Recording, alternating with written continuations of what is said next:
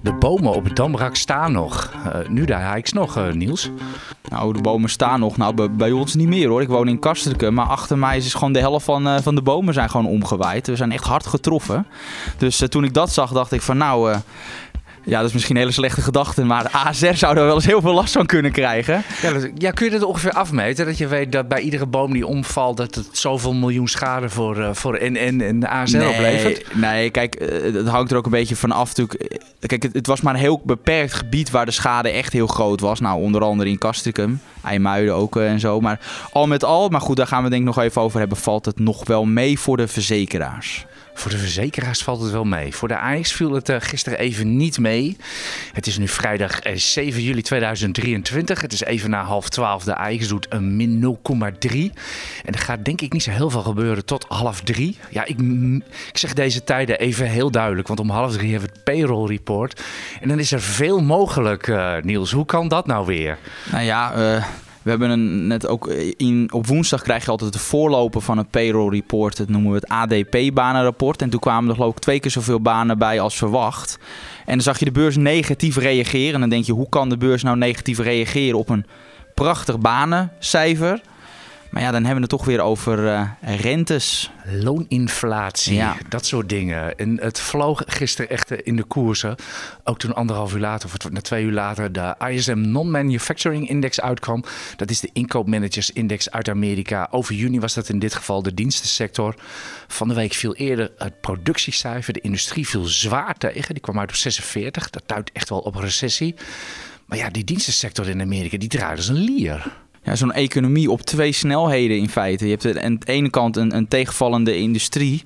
Dus die aandelen ja, die doen het gewoon heel slecht. En aan de andere kant tech wat gewoon uh, de klok slaat in de VS. Ja, daar komt het dan bij die diensten toch al gauw een beetje, beetje op neer. Maar in ieder geval het cijfer is 52, 6 geloof ik. Veel hoger, veel hoger dan verwacht.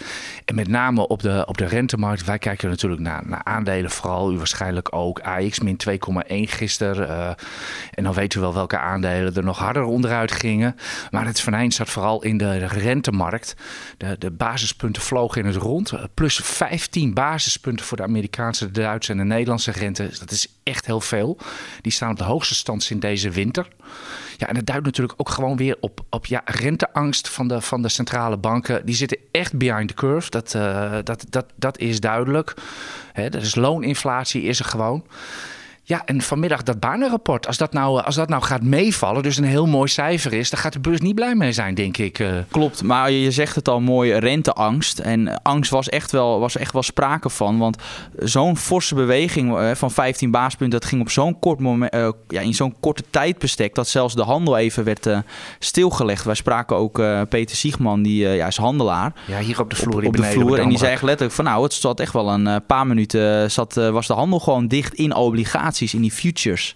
Dus uh, ja, dat, uh, dat, was heftig. Dat, uh, dat, maak je, dat, maak je, dat maak je inderdaad zelden mee. En daar zit het venijn. Nou, en als er gedoe is op de rentemarkt, dan echt vroeg of laat slaat het altijd over naar, naar de aandelenmarkt. Het heet ook nog wel heel ouderwets de obligatiemarkt het slimme geld en de aandelenmarkt het meer domme geld. Het prachtige, prachtige uitdrukking. Of het terecht is, dat ja. moet je zelf maar bepalen. Maar in ieder geval, het zijn, het zijn mooie termen. Nou, we vallen weer met de, met de deur in huis. Als u wekelijks van ons, van ons bent dit is natuurlijk de EX Beleggerspodcast met Niels Koerts, aandelenanalist van EX. Ik ben Aartje Kamp, marktcommentator van EX. En vrijdag 7 juli is het dus, daar, in afwachting van. Het is echt een slechte beursweek. Vorige week vrijdag hadden wij onze beleggersdag in Bussum. We hadden een nieuwe top in de AX. Het was uitverkocht en het was mooi weer. En het was echt een hele leuke dag. Uh, de thuisblijvers hadden ongelijk, denk ik. En ja, nu staan we toch alweer, uh, we staan een puntje of 25 lager, uh, geloof ik. Ja, ik durf mijn beleggingsoverzicht bijna niet in te vullen eigenlijk. nee. Omdat er ook een paar aandelen in zitten. Ja, ja, ja. V vandaag is het ook weer raak. Ja, um, oh. ja dit, is, dit, is ook de, ja, dit is ook de IEX Beleggers Doof podcast. Want we gaan het niet over Justy Takeaway hebben. Ik denk voor het eerste in, in een jaar of zo, weet ik, ieder, op een of andere manier komt het iedere week voorbij, Justy Takeaway. Was ook erg leuk. Vorige week namen we deze podcast op met, met publiek. Is bijna allemaal. We vroegen het aan de zaal, hè? Bijna iedereen zat in Just Eat Takeaway. En natuurlijk ook, hij stond naast ons. Hij deed even mee in de podcast. Simon de Vries, de CEO van Farming, die zit er ook in. Maar hij weet, uh, hij, wil, hij wilde zijn aankoopkoers niet melden, uh, Niels. Dus als iedereen nou even in de comments post van wat u denkt dat, uh, dat de aankoopkoers van Simon de Vries was. Denk kunnen... 90 plus, denk ik. ja, denk ik wel. nou, ik denk wel tientjes. ja, als je het niet wil zeggen, dan heb je gewoon, dan sta je gewoon zo ja, in de dan sta je echt wel zwaar in de min, ja, Kom op Simon, als je meeluistert, laat het gewoon even weten. Maar anders gokt u gewoon in de, in de comments. Dat is, dat is leuk. Zo kunnen we het leed dat Justy Takeaway heet, een beetje samen delen. Want dan komt het wel op neer. In, in twee dagen tijd gewoon weer 11% eraf. Dan denk je deze week van, nou, misschien hebben we gebodemd. En dan komt het weer. Uh, het is, ja, het is maar volledig... we zouden het er niet over hebben. Nee, nee, nee. Maar het moet, het moet wel even. Vandaag is de trigger. En meer is het echt niet. JP Morgan Chase, de, Amerika de grootste Amerikaanse grootbank. Ja, die hebben een kleine koersdoelverlaging. Niet eens zoveel. En blijkbaar is dat gewoon weer de trigger om het aandeel ja, uh, uit te kotsen. Ja. ja. ik kan er niks anders van maken, helaas. Want Nee, nee, in- bedrijfsnieuws was er niet. Nee, het is gewoon helemaal niks. En ja, jij noemde het nog even voor. We liepen hier naar uh, dit zaaltje toe om deze podcast op te nemen, hier op het Damrak. En je zei van uh, de grafiek van Uber ziet er heel anders uit. Uh. Het gaat van dit jaar van linksonder naar rechtsboven. En bij Just Eat is het precies het over, tegenovergestelde. Oké, okay, en de rest gaat nu de IX Beleggersdoof podcast in. Waar gaan we het wel over hebben? Dat is een ander aandeel wat er niet best bij ligt. Dat is Alfa, daar gaan we het uitgebreid over hebben. We gaan het ook over de Triodos-certificaten hebben als daar mensen in zitten. Want eindelijk werd er weer gehandeld na drie jaar en toen gebeurde er bijna niks. Nou, er gebeurde wel wat hoor. Als er de koers min 40% gaat, dan vind ik wel dat er wat gebeurt hoor. Ja, oké, okay, maar dat, dat, dat wist iedereen dat dat eraan ging komen. Er was, waar gingen wel geteld 20.000 stukjes in om. Na, na drie jaar niks. Dus ja, maar ja, het is één transactie. Ik bedoel, dat is één handelsmoment. Uh, ja, ik, ik, ja, je kan niet... Hebben we het zo meteen wel over. Ja, wat, wat hebben we nog meer? Dat doen we nu even Unilever. in dit... Unilever ook nog. Uh, uh, ja, de verzekeraars ongetwijfeld. Als jij erbij bent, gaat het altijd over verzekeraars. Ik had daar trouwens ook nog vragen over op Twitter. Um, we doen nu het marktbrede rondje, zoals wij dat zelf altijd noemen. Shell hè, ook? Ja, Shell had vanochtend kwartaalupdate Samsung. Zullen we daar maar mee beginnen? En we hadden ook nog een winstwaarschuwing van, uh, van Flow Traders. Dat kwam nog even langs voorbij fietsen. Misschien moet je die juist nu weer hebben. De volatiliteit weer wat, wat oploopt. Maar daar gaan we zo meteen meer over zeggen. En er was weer een, daar was hij weer Niels, de pre-earnings call van PostNL. Ja. Die hebben we gezellig samen met de analisten natuurlijk weer vakantiefoto's zitten bekijken. Want er wordt nooit wat gezegd op pre-earnings calls als we de betrokkenen mogen horen. Echt, dat is allemaal nee, dat is allemaal geen voorkennis. En uh, dat is helemaal geen ons kent ons. Mag allemaal. Uh, ik hoor de cynische ondertoon. Ja, dat is het toch ook. Ik, uh, maar goed, daar hebben we al alles, volgens mij alles al over gezegd. Die pre-earnings calls, dat is gewoon uh, geen gelijkheid van informatie. Punt. En daarmee is denk ik de discussie gesloten. Uh, wat hebben we nog meer? Ja, hebben we alles echt, gehad? Ja, kijk, misschien, misschien wat wel leuk is als we het hebben over... vragen natuurlijk nog. Ja, voor het brede rondje ook wat wel leuk was, was dat wij houden iedere maand ook een, uh, ja, een soort van uh, een enquête onder beleggers. De Niet een IEX. soort van, gewoon een enquête. Ja, de boel, ja, heel, heel goed terecht. De boel beer enquête, toch een van de grootste ja, enquêtes onder particuliere beleggers. Trek, trekkerrecord anno 2001. Ik, ik, was, ik, was ja. net, ik werkte hier net, toen, toen uh, hebben we die kant. Ja, en wat ik wel leuk vond, was ook de uitkomst ervan. Dat uh, als je, en dan mogen mensen invullen, wat zijn nou hun de aandelen waar ze het meest van verwachten. Oké, okay, de komende maand, dus niet echt uh, lange termijn. Ja, wat doet de AX en dan de topper ja, en de flopper? Nou ja, ja welke aandelen komen daar het beste uit? Ja, Egon en NN. Ja, ik kan de mensen daar toch geen ongelijk in geven. He, er wordt wel eens gezegd van particulieren, dat is nog wel eens het domme geld. Maar als je dit dan leest, denk ik van, nou, dat valt wel mee hoor. Mensen hebben er verstand van. Oké, okay, en wat ze als flopper dan? Dan willen we die ook weten. Bezi. Ja, ja, maar dat is natuurlijk hard gestegen al. En natuurlijk recessie in het vooruitkomst. En dan, dat is dan wel weer... Ja, ik, ik zou die zelf niet als flopper aangewezen hebben. Is zo, maar, is zo volatiel. Dat is ja, wel tricky. Ja, dat, dat is altijd wel risicovol. Maar mensen denken, ja, die gaat dan dippen. En dan, nou ja... Dippen en flippen. Uh, ik heb niet, even niet gekeken wat, wat BC nu doet op die, op die update van, van Samsung. Vandaag omhoog vandaag omhoog. In ieder geval, ASML was lager, geloof ik. Hè? Ja, klopt. Uh, ja, ik heb, ik heb niet, zo, ik heb niet zo goed gekeken. Maakt ook niet zo heel veel uit op uh, dagbasis. Maar laat ik ze maar even bijpakken, de, de cijfers van Samsung. Dat wil zeggen, het is net als Shell. Het is een uh, ja, pre-market update. De cijfers komen er nog aan, de definitieve cijfers. Dit is even snel bijpraten van de markt. Prettig dat zulke grote bedrijven dat doen. Wat minder prettig is, is dat Samsung de slechtste cijfers in 14 jaar presenteerde. 96% minder, minder winst en 20% minder op, omzet. En ja, dus, in de Reuters bericht zag ik de term glut staan. Nou, dan weet je het wel. Het, het blijft gewoon slecht. Die cyclus wil nog niet draaien. En ja, de chipcyclus, dat is natuurlijk hartstikke pro. Ja, het zit echt voor de, voor, de, voor de cyclus aan. Dus daar willen we graag herstel zien. Dan weten we of de economie weer gaan aantrekken. Er zijn nog geen signalen voor. Nee, nee, dus dat is dan... Maar goed, het zit wel weer in dat uh, segment waar zij dan... waarschijnlijk meer zitten. Ik denk meer ja, telefoons, met name PC-chips. Dat, is, dat loopt dan natuurlijk ja, consumentenelektronica. Dat ligt heel slecht, hè? En uh, ja, dus uiteindelijk moet dat dan aantrekken. Maar je ziet dus bij, bij de Nederlandse chippers dat de markt al heeft voorgesorteerd op een uh, soort van uh, ja, een, een nieuwe uh, market. Dus uh, ja, en dan kan me misschien niet eens zo'n slecht idee om dan Bezi even een keertje als, uh, als flopper te nemen. Dat toch weer even, omdat het allemaal wat tegenvalt, weer even gaat dippen. Want het is natuurlijk wel kiezelhard gegaan. Uh, nee, je ziet, je, je, ziet gewoon in de waardering van, van Bezi dat dat AI, daar zit gewoon een deel van, van ingeprijsd. Dat zie je nu nog niet in de cijfers terug. Maar de markt loopt daar dus op vooruit. Ja, het moet er wel uitkomen, want komt het er nog niet uit, ja, dan kan dat ook weer behoorlijk terugzakken. Maar ja, het zijn wel aandelen, ik heb ze zelf ook. Ja, weet je, ik wil dat niet te veel spelen op de cyclus. Ik vind het gewoon een mooi lange termijn aandeel. Ja, en dat het dan op korte termijn mee of tegen kan vallen. Ja, ik vind het allemaal wel prima. Het gaat erom dat het lange termijn plaatje goed is. En dat is bij een BC wel het geval. Dus ja, ook natuurlijk kan het, kan het op korte termijn dippen. Maar dat is niet voor mij reden om, om het nu te verkopen. Dus uh, ik heb ze ook al jaren in mijn portefeuille. En dan, ja, dan pak je dus de, de cyclus omhoog mee, maar ook omlaag. Maar per saldo is dit wel een heel mooie, mooi aandeel. Uh, ja, uiteindelijk is het een uh, uitstekend buy-and-hold aandeel. Maar dan moet je inderdaad gewoon wilde ritten voor, voor doorstaan. Ja, ja, je moet een iets sterker hart hebben dan een gemiddelde Nederlander, denk bij ik. een verzekeraar of zo. Of, oh, ja, die kunnen ook hard dalen hoor. maar nee, je ziet dat... Of, dat... of, of wellicht bij Shell. Dat ook een update. volgens mij is de amper koersreactie. Dus nou, de cijfers zijn denk ik wel een beetje in de prik. Het is allemaal wat minder. Dit, uh, Q2 was wat minder dan Q1, is verwacht. Er zit ook nog een impairment in van 3 miljard. Dat is niet leuk, maar die komt ook niet onverwacht. Wat wel jammer is, is dat de handelsactiviteiten... Uh, Shell is natuurlijk, behalve dat ze olie, gas en, en durables doen... natuurlijk ook een bekende energiehandelaar. Daar waren ze altijd heel goed in. Maar dat staat nu ook weer een beetje tegen. Dat, uh, ze hebben de markt niet echt in de vingers ja, staan, nou ja, Het zit tegen. Er is natuurlijk ook veel meer, minder handel. Je ziet natuurlijk ook wel gewoon die, die volatiliteit die terugloopt. Ja, ik en... weet niet... Ik, ik, ik, durf daar zelf niet zoveel over te zeggen. Die, die energiemarkt is zo ook, razend ja. moeilijk en ingewikkeld. En uh, dat, uh, hoe, de, hoe dat precies zit. Ik, en vorig jaar hebben ze natuurlijk wel heel veel gepakt. Hè? En ja, als je dan ja. met een heel...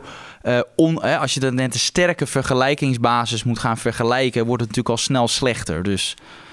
Ja, ja, ja, ik wil Shell daarin wel een beetje verdedigen. Dus uh, ja, nee, dat is ook wel zo. Ik, ik, ik sprak niet zo lang geleden een Vitol-handelaar. En uh, na twee minuten kon ik die man al niet meer volgen. Zo ingewikkeld is die markt. Dat, uh, daar, komt, daar, komt echt, daar komt echt zoveel bij kijken. Dus wat dat betreft hebt u gewoon Shell. Het, ja. Maar ge geen, het is, het is, kwamen met, dus met een soort van pre-earnings update. Ja.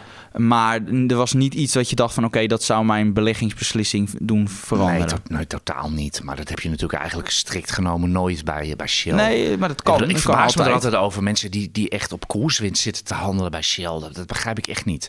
Dan denk ik van, dan kun je, wel, kun je toch veel beter een ander... kun je inderdaad een beter een nemen. En, uh, maar goed, uh, ieder, dat is het leuke aan de beurs. iedereen kan ermee doen waar hij zelf zin in heeft. Even kijken hoor, wat hadden we nog meer? Nou ja, die huizenmarkt misschien ja. nog. Maar dat was wel echt wel een opvallend... Maar zullen we eerst even de, even de aandelen afmaken? Want okay. we hadden natuurlijk even, even heel kort. Die pre-earnings vol van PostNL, daar zaten niet echt verrassingen in. Als we ING mogen geloven, die daar, die daar verslag van deed. Dat was, uh, ja, uh, wat, hoe zat het ook alweer? Ja, de pakketjes, dat viel wel wat mee dit keer. En de kosten vielen wat tegen. Zo, zo ja, was het per saldo was het licht positief hadden ze over. Maar... Dus nee, maakt allemaal niet zo, maakt niet, allemaal niet zo heel veel uit. Bij flow traders is wel meer aan de hand.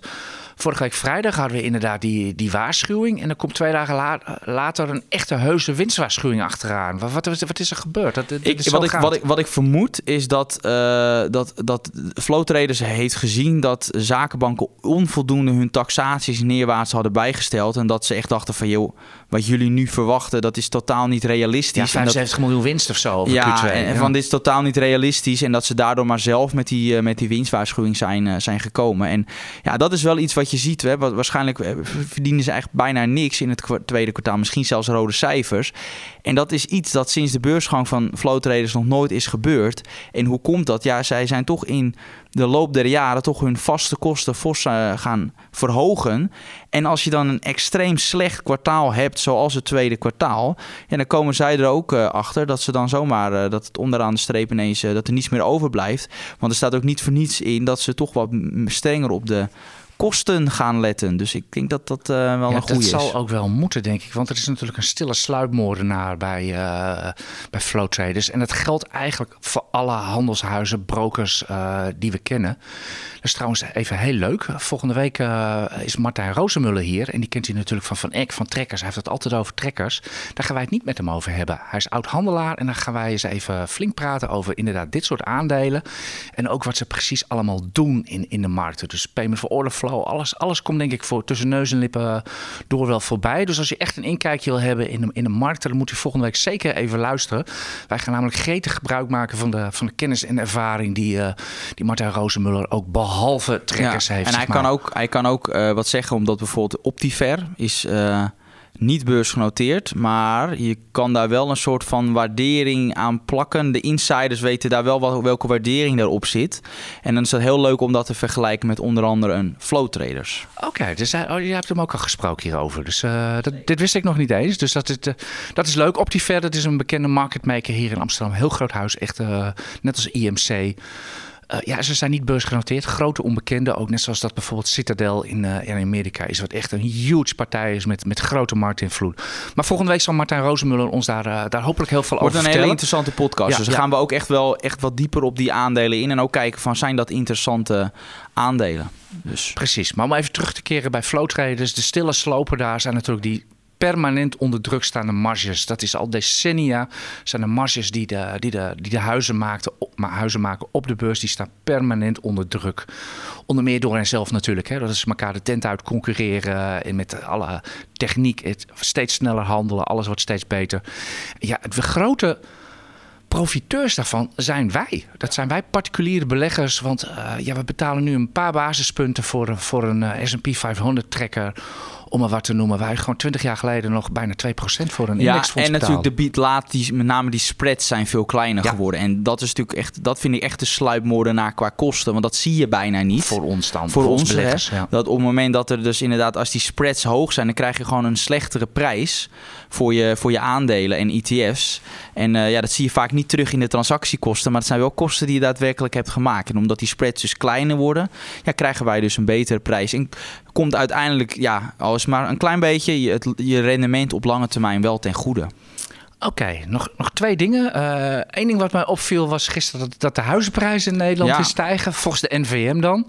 En volgens mij, het stond in het persbericht gevalletje loonprijsspiraal. Ze zeiden van ja, de mensen zijn meer gaan verdienen. Loonsverhogingen gaat en die bieden meteen weer hoger. Ongelooflijk. Dus, en dat bij eh, toch wel fors. Want ik zat nog te kijken bij ASR. Dat is waar ik zit eh, bij je mijn... hoe- Nee, nee, het maakt nee. niet uit waarover ga je gaat Nee, maar over dat, ja, maar dat is, dat is mijn bank. dus daar heb ik mijn hypotheek. En ja, toen ik mijn huis kocht in 2019 was het inderdaad 2,5% rente eh, voor 30 jaar. En als je nu diezelfde lening zou, dan zit je al echt ruim boven de 4%. Dus dan zit je al op 4,5%. Ja, dat is echt wel behoorlijk verschil in, eh, in maandlast hoor. Dus, eh, en toch gaan, zijn die huizenprijzen sindsdien nog fors opgelopen. Dus mensen moeten nog meer, meer lenen. Dus, eh, dus, dus dat is toch wel heftig. En dat dan ondanks dat toch de prijzen stijgen, geeft gewoon aan dat, eh, dat de arbeidsmarkt heel sterk is. Krapte is groot. En we, we krijgen wat meer salaris, waardoor we meer, weer meer kunnen lenen. Oké, nog één dingetje wat opviel. De brede markt eh, deze week. Crypto weer omhoog. Nieuw topje in bitcoin. Want eh, het, nieuws was eh, BlackRock deze week. Die hebben toch weer bij de SEC een trekker die eerder eh spotprijs is in, eh, in diverse crypto's. Toch weer een trekker aangeboden bij de SEC. Keur hem alsjeblieft goed. Kunnen we de markt op. En eh, ik en eh, de topman, CEO Larry Fink, natuurlijk gewoon belangrijke man op Wall Street, die zei van eh, crypto of bitcoin is een international asset. En uh, ja, daar wist, de, daar wist de koers wel raak mee. Want als deze manier het zegt... Ja.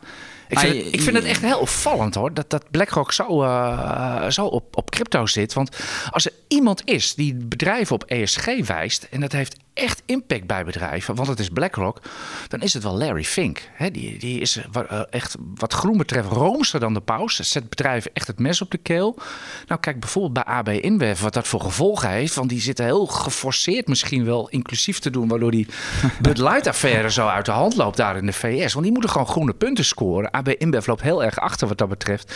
En tegelijkertijd, nou, ESG en crypto, ik kan het er niet van maken. Nee, want het is natuurlijk heel erg in, eh, energie-intensief. Maar ik denk dat daar de marges heel hoog... bij die partijen daar. Ja, want ik denk dat je met bij die ETF's... Ik sluit niet uit dat je dan zomaar 2% per jaar moet betalen... om, om bitcoins uh, via zo'n ETF uh, ja, aan te maar houden. De, maar ja, ik vraag, me, ik vraag me wel af of meneer, meneer Fink nou echt zo principieel is... of dat hij inderdaad echt alleen maar naar de knaken nou, kijkt. Nou, dit lijkt mij wel toch wel voor de knaken. Want ik denk dat daar hele hoge marges op... Uh, ja, die maakt je verder natuurlijk niet. Want ze beheren dan weliswaar 10, ja. 10 biljoen, maar daar verdienen ze amper wat aan. Verdienen ze heel weinig aan. Dus, uh, dus dat gaan we zien. En dus inderdaad, als de professionele uh, markt uh, crypto gaan omarmen. niet omdat ze er per se wat in zien, maar gewoon omdat ze er veel geld aan kunnen verdienen. Ja, dan leidt het toch weer, wordt het makkelijker om erin ja, te beleggen tussen aanhalingstekens, geld in te stoppen. En dan gaat die, uh, de vraag omhoog en uh, ook de koers. Nou, dat moet ik nog zien. Want het was toch juist precies de reden om in bitcoin te gaan zitten... omdat je niks met de uh, financiële markten nee. et cetera, te maken hebt. Ja, en dan word je toch weer om... Ja, ik, ja. ik, ja, het is ook niet mijn ding. Nee. en ik denk ook de meeste luisteraars... die zullen, ja, zullen misschien een heel klein plukje hebben... maar ja, dat is toch, uiteindelijk zijn het aandelen... die het voor lange termijn rendement zorgen... en niet crypto... Ik zie nog steeds uh, nul omzet bij, uh, bij Bitcoin. Nou, dus, uh, ik denk, ik denk dat, ja. we, dat je dan genoeg hebt gezegd. Ja, dus dan hoeven we, nog, hoeven we niet over onze welbekende vrije kaststromen te hebben. die zijn heel, heel ver weg. Heel beperkt. Wie wel vrije kaststroom heeft, is... Ja, hebt het op de lijst gezet. Unilever. Wat, waarom eigenlijk? Nou ja, wat me opviel is dat deze week is natuurlijk de nieuwe CEO... Heinz Schumacher is, uh, is van, van, van start gegaan, is aan de slag gegaan. Heinz heet hij. Of Heinz, ook Hein. Ik dacht of Hein. Hij, ja, Hein oh, heet hij oh. hoor. Ja, nee, Hein. Maar wordt, wordt misschien wel zijn bijnaam. Maar uh, hij, is hij begint uh, aan zijn klus bij Unilever. Maar wat natuurlijk belangrijk is, de man heeft natuurlijk wel een behoorlijk wat werk te verzetten omdat nou, we weten dat, uh, dat er nogal een onderwaardering zit in een Unilever ten opzichte van bijvoorbeeld een, uh, een Procter Gamble. Om een simpel voorbeeld te noemen. Unilever noteert tegen 19 keer de verwachte winst en Procter Gamble 26. Dus echt wel een, een echt significant... Is dat niet gewoon het, uh, ook het waarderingsverschil tussen AX en S&P 500? Nou, de AX doet 14 keer de winst, de S&P 500 19 keer. Ja, maar dat heeft natuurlijk ook te maken met inderdaad welke bedrijf daar hè, precies in zit. Nu pak je twee bedrijven in één sector. Ja, dat is wel gewoon een, een waarderingsverschil van, van, van meer dan 30 procent. Hè? Ja, weet je ook wat Nestlé doet? Want dat is natuurlijk een Europeaan. Oeh, dat weet ik niet uit mijn hoofd. Maar, uh, maar je ziet gewoon dat Unilever lager is gewaardeerd. En ja, dat zit hem één, een belangrijk onderdeel is ook gewoon de cultuur uh, van het bedrijf. Want waar klagen veel hedgefunds uh, en grote uh, activistische beleggers, waar klagen ze over? Nou, dat er gewoon bij Unilever te weinig een prestatie, gewoon eigenlijk geen prestatiecultuur is. En in het FD was daar een mooi voorbeeld van, van een analist van Bernstein. Die zei letterlijk van ja, dan, had het, dan hadden ze een enorme underperformance. En dan tijdens die Capital Markets Day was er niet één niets van kritiek op, op het eigen presteren. is gewoon nul. En ik vind als jij underperformt en je bent niet kritisch op jezelf, daar slaan gewoon hedgefunds slaan erop aan.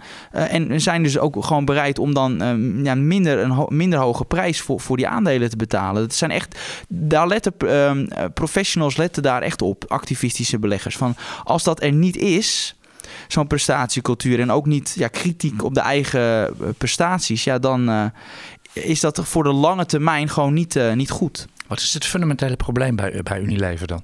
Uh, nou ja, het, sowieso, uh, omzet doen ze wel, maar die marges, ja, ik, het, is toch, het valt toch allemaal, allemaal wat tegen. Uh, als je ziet dat, dat is wel een belangrijk verschil. Procter Gamble is het wel gelukt om die marges echt significant te verhogen. En bij Unilever zie je dat onvoldoende. Ondanks al het graaiflatie uh, in de media. Ja, nee, en, en, en dat is wel. Uh, en, en dat heeft dus ook toe geleid dat als je, als je bijvoorbeeld kijkt naar de afgelopen vijf jaar, dan heb je met Procter Gamble zou je 140% rendement hebben gemaakt en Nestlé 88%. Ja, en dan blijf je met Unilever met 20% achter. Dus die hebben dan 20% eh, rendement gemaakt. En dat is volledig het gevolg van het dividend. De koers was echt precies nul. Ten opzichte van vijf jaar geleden gewoon niets veranderd. Echt op de, was toen echt op de komma. Nou ja, dat vandaag zal het misschien net iets anders, hè, dat ene procentje verschil. Maar ja, dat is toch wel heel helder dat ze eigenlijk geen waarde hebben gecreëerd voor, voor de aandeelhouders. En dat moet dus wel uh, veranderen. Dus uh, ja, dat is een behoorlijke taak voor die nieuwe CEO. Ga eens op zijn stoel zitten, wat zou je doen? Nou ja, een belangrijk uh, ding is natuurlijk wel ook... Opspli ja, opsplitsen is natuurlijk een wel... verhaal. Hè, zeg maar in voeding en uh, wat een wat lagere marge heeft... en verzorgingsproducten die hogere marges hebben. Ja, op die manier de waarde er uh, beter uit kunnen halen. En het voordeel van opsplitsen is inderdaad dat je dan ook bij kleinere bedrijven... dat je dan ook ja, beter erop de bovenop kan zitten en daardoor beter het verschil kan maken. Maar dat is wel een, een, een belangrijk. Ik denk dat opsplitsing zeker wel een, het belangrijk. Dat, dat vragen ook grote beleggers van ga daar nou eens een keer. Uh, zou er ook een bod kunnen komen? Misschien niet eens zozeer van een, je noemt al Proctor of wat dan ook wel. Ik moet nog zien of dat langs de mededingingsautoriteiten gaat komen. Maar dan moet je misschien ook aan private equity denken. Uh. Dat, ja, ik, het is wel heel groot. Het is wel echt een. Echt Kraft Heinz heeft het geprobeerd. Ja. terwijl die kleiner waren. Ja, dat hebben ze toen, was toen hem heel snel afgewezen. En ik geloof ja, dat, dat Nederland was om, in was omdat kwam. Warren Buffett, uh, die natuurlijk uh, groot in Kraft Heinz zit, die wil geen vijandige overnames doen. Dus die, nee. heeft, die heeft toen eigenlijk het bestuur ja. al teruggefloten. Ja, het is nu wel nu meer een, het is nu een Brits bedrijf. Dus dat zou. Maar ja, ik, het is wel heel dusdanig groot dat ik eerder zie dat het moet meer vanuit Unilever komen. Dan dat ik denk dat er echt een uh, bod op gaat komen. Ja, maar gaat het ook vanuit Unilever komen? Want iedereen was wel een beetje, met alle respect meneer, meneer Schumacher. Iedereen was wel een beetje verbaasd dat hij de nieuwe CEO werd. Hij komt bij Friesland Campina vandaan. Iedereen had een beetje op gerekend dat er een big shot zeg maar, uit, de, uit van Wall Street gehuurd zou worden. Of ingehuurd voor heel veel geld echt, om dat concern, om ook gewoon echt een boodschap af te geven van we gaan het serieus aanpakken. Dit klinkt een beetje als een tussenpauze of iemand die het licht uit mag gaan doen. Of uh, ja, hoe ja. moeten we hier tegenaan kijken? Dat vind ik wel heel ver gaan. Hoor. ja, dat is, nu ik het zeg, ja, ja dat nee. gaat wel ver. Maar nou, ik zeg, waarom niet? Ja. Nou, we gaan het sowieso zien. Dus... Uh... Maar is dat niet een mooie reden om gewoon het uh, aandeel gewoon te hebben? Ik bedoel, er kan... Uh... Ik, ik, heb ze zelf ook in portefeuille. Gewoon een buy-and een buy and hold aandeel. Alleen ja, er moet wel... Ook omdat er nog zoveel verborgen waarde in dat bedrijf zit. Dus. Net als die ene die wij ook hebben en waar we het niet over hebben vandaag. Dat doen we zeker niet. dat is toch weer just die takeaway. We gaan denk ik maar gauw naar de vragen, Niels.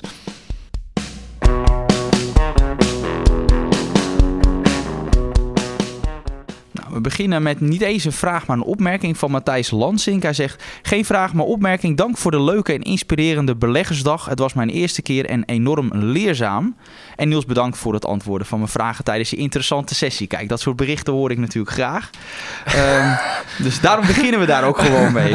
Ongegeneerd ook gewoon. Ja. Uh, Ga door. Uh, leuke wacht, wat, wat, wat, nog even terugkomen ja. op die beleggersdag van vorige. Wat, wat vond jij het leuk? Wat is het leukste wat jij hebt meegekregen? Uh, nou, vooral de opkomst ook. En dat gewoon iedereen wil wat van je. Dus je staat de hele dag aan. Ja, ja, ja. ben je ook helemaal kapot na het einde van de dag. Maar uh, gewoon uh, vooral inderdaad hoeveel... wat het gewoon leuk is om de mensen te ontmoeten die onze podcast ook luisteren. Om die mensen dan echt ook, ook te ontmoeten. Dat is het leukste van, van allemaal sluit ik me heel graag bij aan. En ik wil nog één ding noemen. Dat was de ASML. We waren echt heel trots dat wij de Chief Technology van ASML hadden op onze beleggersdag. Jos Benschop, die is echt internationaal bekend. Die is de, grote tovenaar van, uh, van ASML is dat. Die, heeft al die, die bouwde al die machines. En die had, uh, die had mooie plaatjes. Plus hij had nog iets. Hè, de Moore's Law, we weten het. Hoe klein kunnen die chips? Volgens deze meneer kunnen we nog decennia door. Dus uh, we, we, gaan het, uh, we gaan het zien, we gaan het afwachten. Maar uh, we gaan nog gewoon vrolijk door met die... Het zou ook die, raar zijn als hij zou zeggen... nee, over vijf jaar dan ja, nee, zit nee, het maar, ja. Het ging op een gegeven moment niet eens meer over nanometers... maar over atomen. Gewoon echt op atoomniveau zitten ze daar al te denken. Of dat er allemaal uit gaat komen... of dat ze daar machines van kunnen maken... is afwachten. Maar daar hadden ze wel ideeën over bij ASML, zei hij. Dus, dus daar hoeft u niet bang voor te zijn. Om die rijden hoeft u uw aandelen denk ik nog niet te verkopen. Maar dit dus, even. Okay, de, de ASML-beleggers zijn weer gerustgesteld. We gaan nu door met echt een vraag van Yuri Rikasis. En die vraagt, ja, ze zeggen wel eens... Buy when there is blood in the streets. Is het nu een moment om weer aandacht te hebben voor Belgisch beursgenoteerd vastgoed? Um, ja. Uh, is dat heel hard afgekomen? Ik ja, weet het, het is wel niet. fors afgekomen hoor. Uh, je ziet nu wel zie je wel weer sinds die uh, afgelopen week fors opgelopen. Maar Ja, vastgoedfondsen hebben natuurlijk extra last van zowel de dalende vastgoedprijzen, nou, wat nu wel weer aantrekt, dus dat is wel een goed punt. Maar, en de stijgende rente. En wat je ziet, en dat is bij veel beursgenoteerd vastgoed vanuit België, dat daar de schuldpositie vrij hoog was. En dat is niet ideaal. Maar Aedifica is dat nu beter vanwege de claimemissie. Maar ik zou daar wel mee uh, opletten. Eh, een bedrijf dat dat beter dan voor elkaar heeft, is een logistiek vastgoedfonds. En dat is uh, WDP. Alleen is die dan ook weer wat, wat duurder. Maar, maar goed, voor de analyse van WDP verwijs ik naar de website. Ja, ja, die doen in die grote districtcenters. Hè? Dat, is, dat is natuurlijk wel een hele goede business. Ja. En nu komt, nu komt, er een vraag waar ik een beetje mijn excuses voor moet aanbieden. Want uh, er was iemand die had een goede, iets zo goed opgemerkt. Veel meer mensen. Maar van Putten. En die vraagt: Ja, enkele weken geleden was je in de podcast 5 mei, stond erbij, heeft het opgezocht. Zeer positief over Signify. En had je zelf positie genomen.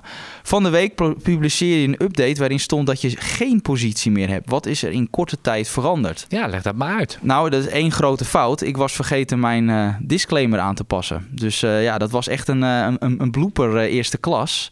Dat, uh, want ja, ik had nog uh, wat wij wel eens doen, wij klonen artikelen. Ja, dat klinkt een beetje gek, maar dan heb je het format voor dat art artikel blijft dan hetzelfde. En daar valt ook de disclaimer onder. En toen bij de publicatie van de eerste kwartaalcijfers had ik nog geen, uh, geen, had ik nog geen positie. En, maar daarna wel, een paar weken later. En ja, sindsdien ben ik met een update gekomen. En helaas stond er, had ik die disclaimer niet aangepast. Maar ik heb dus nog positie en zie geen aanleiding dat te wijzen of te verkopen. Het is uh, iets wat er heel makkelijk doorglipt, weet ik uh, uit eigen ja, Maar het is geen excuus, maar... Uh, ja, en het grappige was dat eigenlijk iedereen die had netjes gewacht om vanaf donderdag in de namiddag om daarmee mee over te vallen. Toen kreeg ik echt de ene na de ander. Die, op maandag, dinsdag en woensdag hoorde ik niemand erover. Maar ineens kwam op donderdag, kreeg ik ook mailtjes van mensen van hoe kan dat? Is de risicorendement vooral... Gisteren zijn de mensen denk ik weer eens naar de bus gaan kijken, nou, gistermiddag. geen idee, maar inderdaad. Nee, hard ging. Er waren echt veel meer die in één... Kwamen allemaal tegelijk met die vragen. Het was gisteren trouwens wel even tussendoor wel een markt uit het boekje hoor.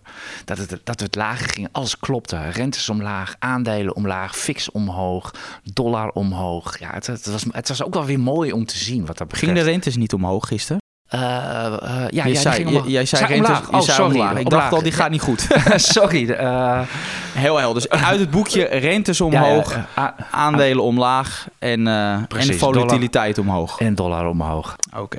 Okay. Um, nou, we sluiten af met een vraag van, en die is dan wel voor jou gericht, AJ, van Frank Oosterhoorn. Dag heren van IEX. Naar aanleiding van de publieksvraag over het managen van de winst, vroeg ik me af of jullie ook eens met een stop-los limiet werken. Graag hoor ik hoe jullie hierover denken. Moet ik daarop antwoorden? Ja, jij werk jij met... Ja, maar ik, ik, ik, weet, ik weet niet meer een stop-los. Nou, dan beantwoord ik alsnog de vraag. Zijn ze allemaal voor mij? Uh, het antwoord is heel simpel. Het antwoord... Ja, zo kan ik het ook. Uh. Het antwoord is uh, heel simpel en nee. Want kijk, ik kijk, stop-los is, is vooral voor traders. En fundamentele analyse dat is, werkt gewoon anders. En dan verkoop je op het moment dat dus je scenario op fundamentele gronden is gewijzigd. En niet omdat een koers uh, ja, omlaag is gegaan. Of dat zo. heb je heel puntig, kort, goed en duidelijk gezegd. En dan gaan we, nu gewoon door met de... We gaan zo verder met de IX Beleggers podcast. Maar eerst graag uw aandacht voor de voordelen van een IX abonnement. Mijn naam is Patrick Bijersbergen. Als IX abonnee ontvangt u dagelijks kooptips, de beste analyse van onze experts, toegang tot onze modelportefeuilles en het wekelijkse magazine IX Expert, het beste beleggersblad van Nederland. Ga naar ix.nl slash actie en voor eh, slechts 24,95 bent u drie maanden abonnee. Ja, met Alfa. Ja, oh. Ja, what, nee. What happened? Min 12 gisteren. Ja, uh, ja ik, ik, ik wist de dag wel van uit. Je, van Jeffries, er was een advies. Dat was volgens mij de enige trigger die er was. Oh nee, er was nog een downgrade geloof ik. Ja, en advies ik had ook nog mijn advies natuurlijk. Oh, uh, jij weer? Ja, nou ja, ik, ik, ik kwam toevallig... Dat was... ja, dat ja, toevallig je, zeker. Nou dat, nou, dat was dus echt toevallig. Want ik wilde eigenlijk een dag eerder, maar ik kwam net niet uit. En dan zul je altijd zien, nou, ze spelen onder één hoekje. Kreeg ik al, hoedje, weet je. Die reacties kreeg ik al meteen. Nou, dat is gewoon... Ja, je schrijft onafhankelijk van elkaar uh, een, een, een rapport. Alleen ja, inderdaad, uh, ik ja, kon het niet oneens zijn met Jeff Rees. Want de reden Jefferies. Waarom, inderdaad. En de reden waarom zij downgraden was voor mij ook de reden om dat artikel te schrijven. Dus dat sloot een beetje op elkaar aan. Uh, want ja, je ziet sowieso waar we als ons zorgen om maken, is die uh, marges die, die omlaag gaan. Maar die laadpalen vooral, hè? Ja, en ik heb daarna ook zelf zitten rekenen. Ehm, ja, en ja, het ziet er toch gewoon minder goed uit. En, uh, ik heb... Wacht, als ik even mag resumeren. Uh, die marges die stonden vorig jaar onder druk. Uh, nou, vorig jaar niet, hè? Oh, oh, sorry. Afgelopen kwartaal. Vorig jaar was een extreem goed jaar. Oh, dus daar ga ik de fout in. Oké. En maar in ieder geval, ze geven nooit een outlook. Maar de markt heeft ze eigenlijk door de koersdalingen een beetje daartoe gedwongen. Je moet iets over de marges gaan zeggen. En gezegd van, ja, dat gaat wel weer aantrekken als ik het goed heb, toch? Dat is wat ze okay. nu zeggen. De rest van het jaar van, nou, Q1 was echt slecht en daarna trekt het weer aan. Oké. En nou jij. En daar hebben we dus onze twijfels over, omdat je dus al ziet dat uh, zeker die laadpalen, dat er nu al, omdat er zo'n die voorraden worden afgebouwd door, van partijen, daardoor zie je dat er nu kortingen worden verleend. Dat is één. En uh, twee, wat je dus ook ziet, is dat de vraag minder is. En drie, um, en dat is ook wel, dat is wel echt wel een, een soort van gamechanger voor mij geweest, als toen ik in, natuurlijk in die fabriek ben geweest bij. Uh, ja. die productiefaciliteit. Uh, ja, dat was toch wel dat je dacht van ja, dat is, was echt hoeveel er handmatig werd gedaan, niet in ploeggediensten werk. Toen dacht ik ja. Er zijn ook partijen, uh, Schneider Electric, uh, Siemens, allemaal dat soort grotere Mhm. bedrijven. Ja, echt vele maten groter. die, die, die kunnen dat veel efficiënter. Die doen En- dat, weet je dat? Doen die dat volledig Nou geautomatiseerd? ja, dat zijn veel grotere bedrijven, kunnen ook veel meer investeren. Dus ook in, in innovatie. Dus ik denk, ja, als Alve... En ze hadden ook niet echt veel... Als, wat ik, want ik had die vraag ook gesteld. Van, joh, wil je ook veel meer automatiseren? En wat ik gewoon kon horen in die antwoorden... was toch allemaal een beetje... Ja, nou, ja eigenlijk antwoorden was een beetje halfbakken nee. En, en dat was voor mij wel een game changer. Ik denk echt, als ik daar eerder in die eh, fabriek was geweest... had ik daar ook nooit een koopadvies eh, voor gegeven. Want ik denk van ja, toen ik dat zag... Van, ja, hoe kun je dan Dit is een hele op- stellige opmerking. op, op lange termijn eh, concur- concurreren. En ehm, maar ja, dan had je ook de rit omhoog gemaakt. Want ja, die hadden we natuurlijk wel even van 25 naar 100. Want ik, ik weet precies hoe het gegaan was. Als ik daar dan drie, vier jaar eerder was geweest. Ja, als dan was ik op daar, 25 op cel had dan had ik daar ja. negatief over. En dan, dan gaat hij naar 100. Dus van ja, Niels, je hebt er echt geen enkele verstand van. Alleen, dat is dus weer het ding. Afgelopen jaar was een extreem jaar waarin zeer veel krapte. Er was hoge vraag. En daardoor kon Alphen het zich permitteren om hoge prijzen te vragen en daardoor hoge marges te behalen. Maar dan is altijd de vraag: kun, die marges waren dusdanig hoog dat je moet afvragen als analist. Komen er dan niet nieuwe toetreders? Want voor een vrij simpel, hè, het is het maken van onder andere laadpalen en dat energieopslag. Het is heel oneerbiedig dozen schuiven. Ja, en als je dan een EBITDA-marge van 18% haalt voor zo'n bezigheid waar, je niet, waar niet, de technologie niet hoogwaardig is, ja, dan komen er meer spelers. En dan ga je dus, dan groeit de markt weliswaar. Maar dat betekent dat niet dat ook een Alpha dat, dat ze in dezelfde mate blijven groeien. En dan kan het zomaar zijn dat dus die marges dan fors omlaag gaan. Omdat eh, grote klanten kortingen eisen. Dus En dan moet je dan naar single-digit margins gaan denken. ja, ik denk wel. Ik, ik, ik, heb, ik heb zelf gerekend nu met marges van 13%. Alve heeft zelf zeggen 15 tot 20% EBITDA-marge.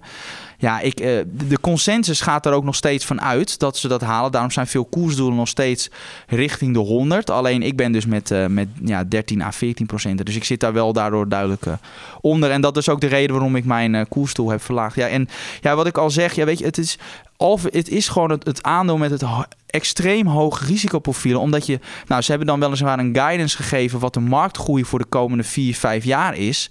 Maar je weet niet hoe gaan de prijzen zich eh, verhouden, hoe gaat het verlopen, hoe, hoe, hoe, hoe zit het met concurrenten, want er komen ook nieuwe spelers. Er zijn te heel veel onzekerheden. Ja, de Chinezen komen ook natuurlijk. Daarom, hè, er dus, zijn eh, zoveel onzekerheden wat het extra lastig maakt om daar goede inschattingen over te maken. En als die onzekerheid groot is, dan eis je ook een hogere soort van veiligheidsmarge en wil je dus ook een lagere prijs eh, betalen. En ik vind dat dat had ik wel eerder al mogen, mogen doen, vind ik zelf. Oké, nou, je steekt een, be- een beetje de hand in eh, eigen boezem.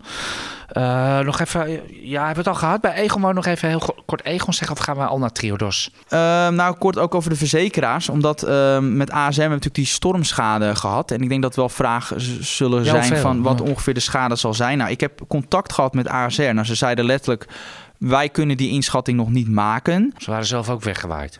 nee, dat niet. Ehm, ik, heb wel een, ik heb wel een sommetje kunnen maken, omdat ehm, de vereniging van verzekeraars die zegt van nou, eh, we ramen ongeveer de zomerstorm eh, schade tot 50 tot 100 miljoen. Nou, als je het vergelijkt met de januari-storm in 2018, toen was het ongeveer 90 miljoen, de totale schade. En toen had ASR, eh, kostte het ongeveer 30 miljoen euro. Dus ik, mijn inschatting is dat het zo ongeveer Nou, max 20 miljoen gaat kosten. En dat is, ja, dat, dat valt echt wel mee hoor. Dan hebben we het en over. dan? Dan hebben we het over 3% van de vrije kaststroom. Nou, dat vind ik voor zo'n storm eigenlijk nog wel meevallen. Ook omdat ASR volledig Nederland is en groot is in schade. Dit hoort erbij. Dus daarom zie je ook de koers niet heel veel eh, negatief erop reageren.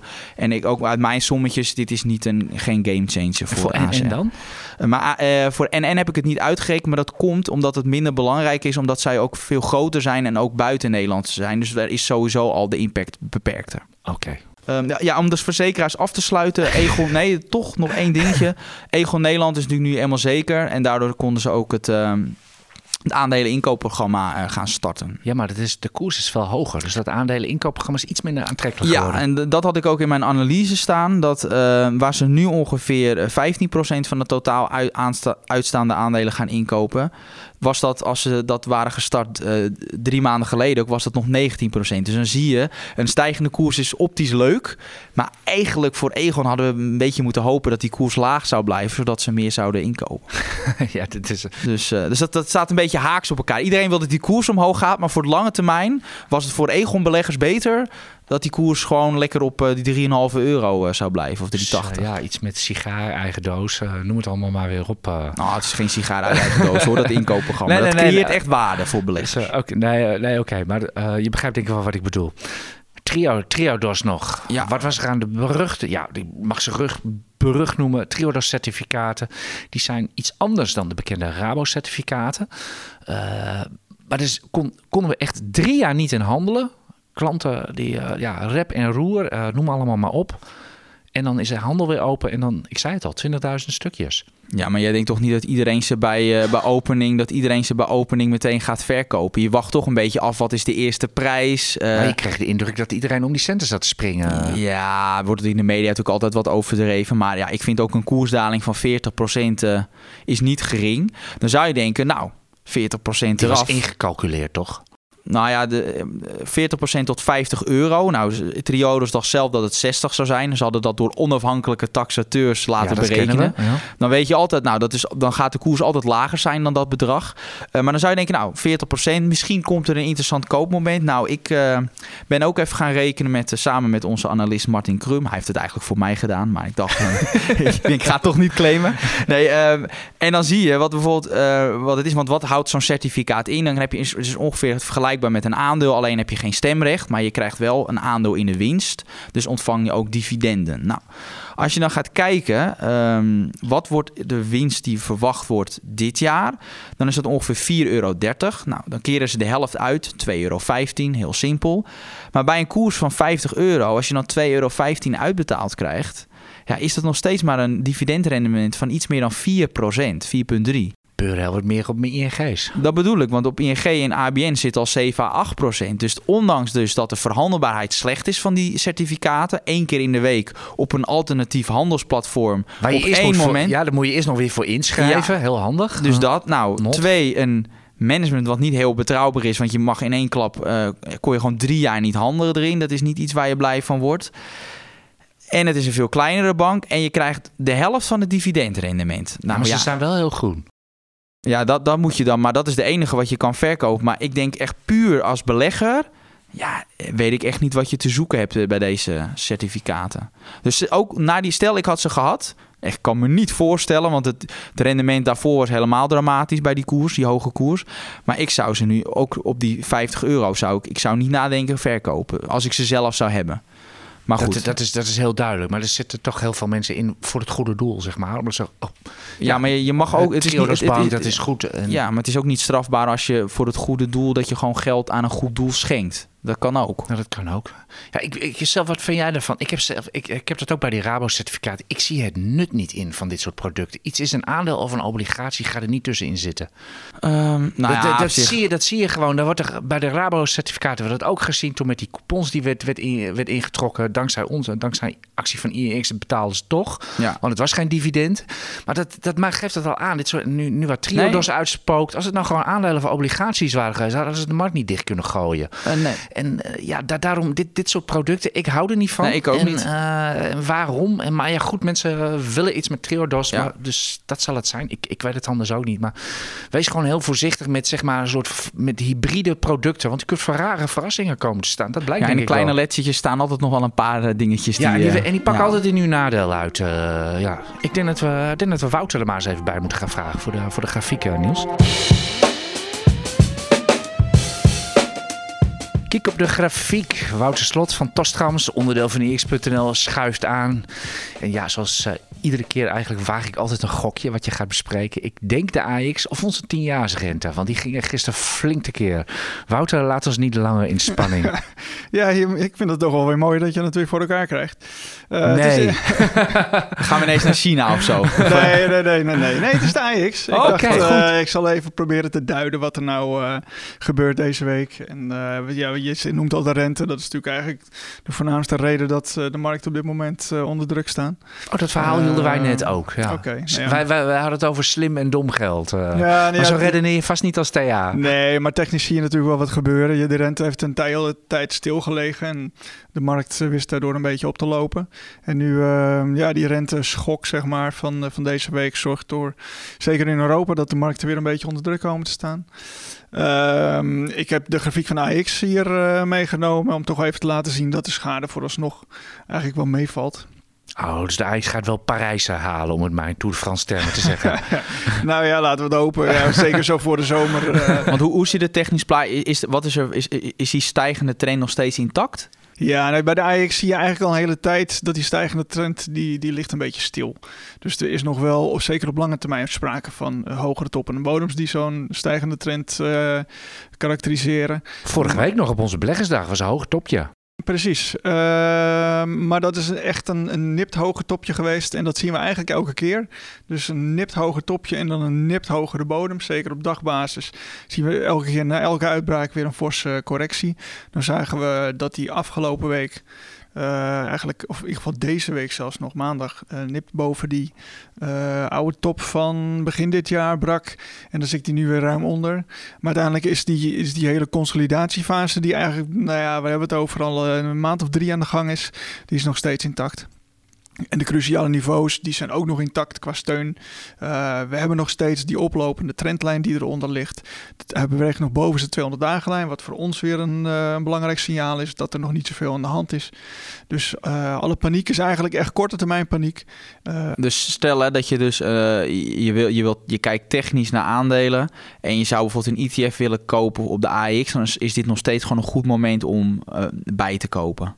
Zeker. Je, kijk, die consolidatie is nog steeds intact. En ik verwacht in de zomer misschien ook niet zo heel veel actie wat dat betreft. Dus je moet wel geduld hebben. En er zit, best, er zit een beetje ruimte naar beneden en er zit een beetje ruimte omhoog. Je bent nu weer teruggezakt naar die onderzijde. Dus ja, zeker. eh, het is geen verkeerd moment daarvoor, laat ik het zo zeggen. Oké, Ja. helder. Nog, nog één vraag. Heb jij je eh, wekker ook vandaag op half drie staan als het payroll report uitkomt? Dat kan misschien, als dat echt een afwijking heeft en, de- en de boel gaat bewegen, dan kan je verhaal al- ineens weer anders zijn of niet? Zeker, ja, weet je, er zijn natuurlijk altijd van die, eh, van die evenementen die dan plaatsvinden, die dan wel voor een belangrijke draai in de markt zorgen. Ehm, Maar die moet je eerst op zien staan natuurlijk. Precies. Ja. Eh, zolang die er niet staat, is dat voor ons ook geen aanleiding om daar eh, wakker van te liggen. Oké, zo dit verhaal is in ieder geval nog een paar uur geldig. Laten we hopen dat het ook nog geldig is als u deze podcast eh, hoort. Nogmaals, we zitten voor het payroll report aan. Dit was de IX Beleggers podcast van vrijdag eh, 7 juli. Wij danken u hartelijk voor, voor het luisteren. Veel succes volgende week met de, met de beurs en geniet van het mooie weer dit weekend. Tot volgende week.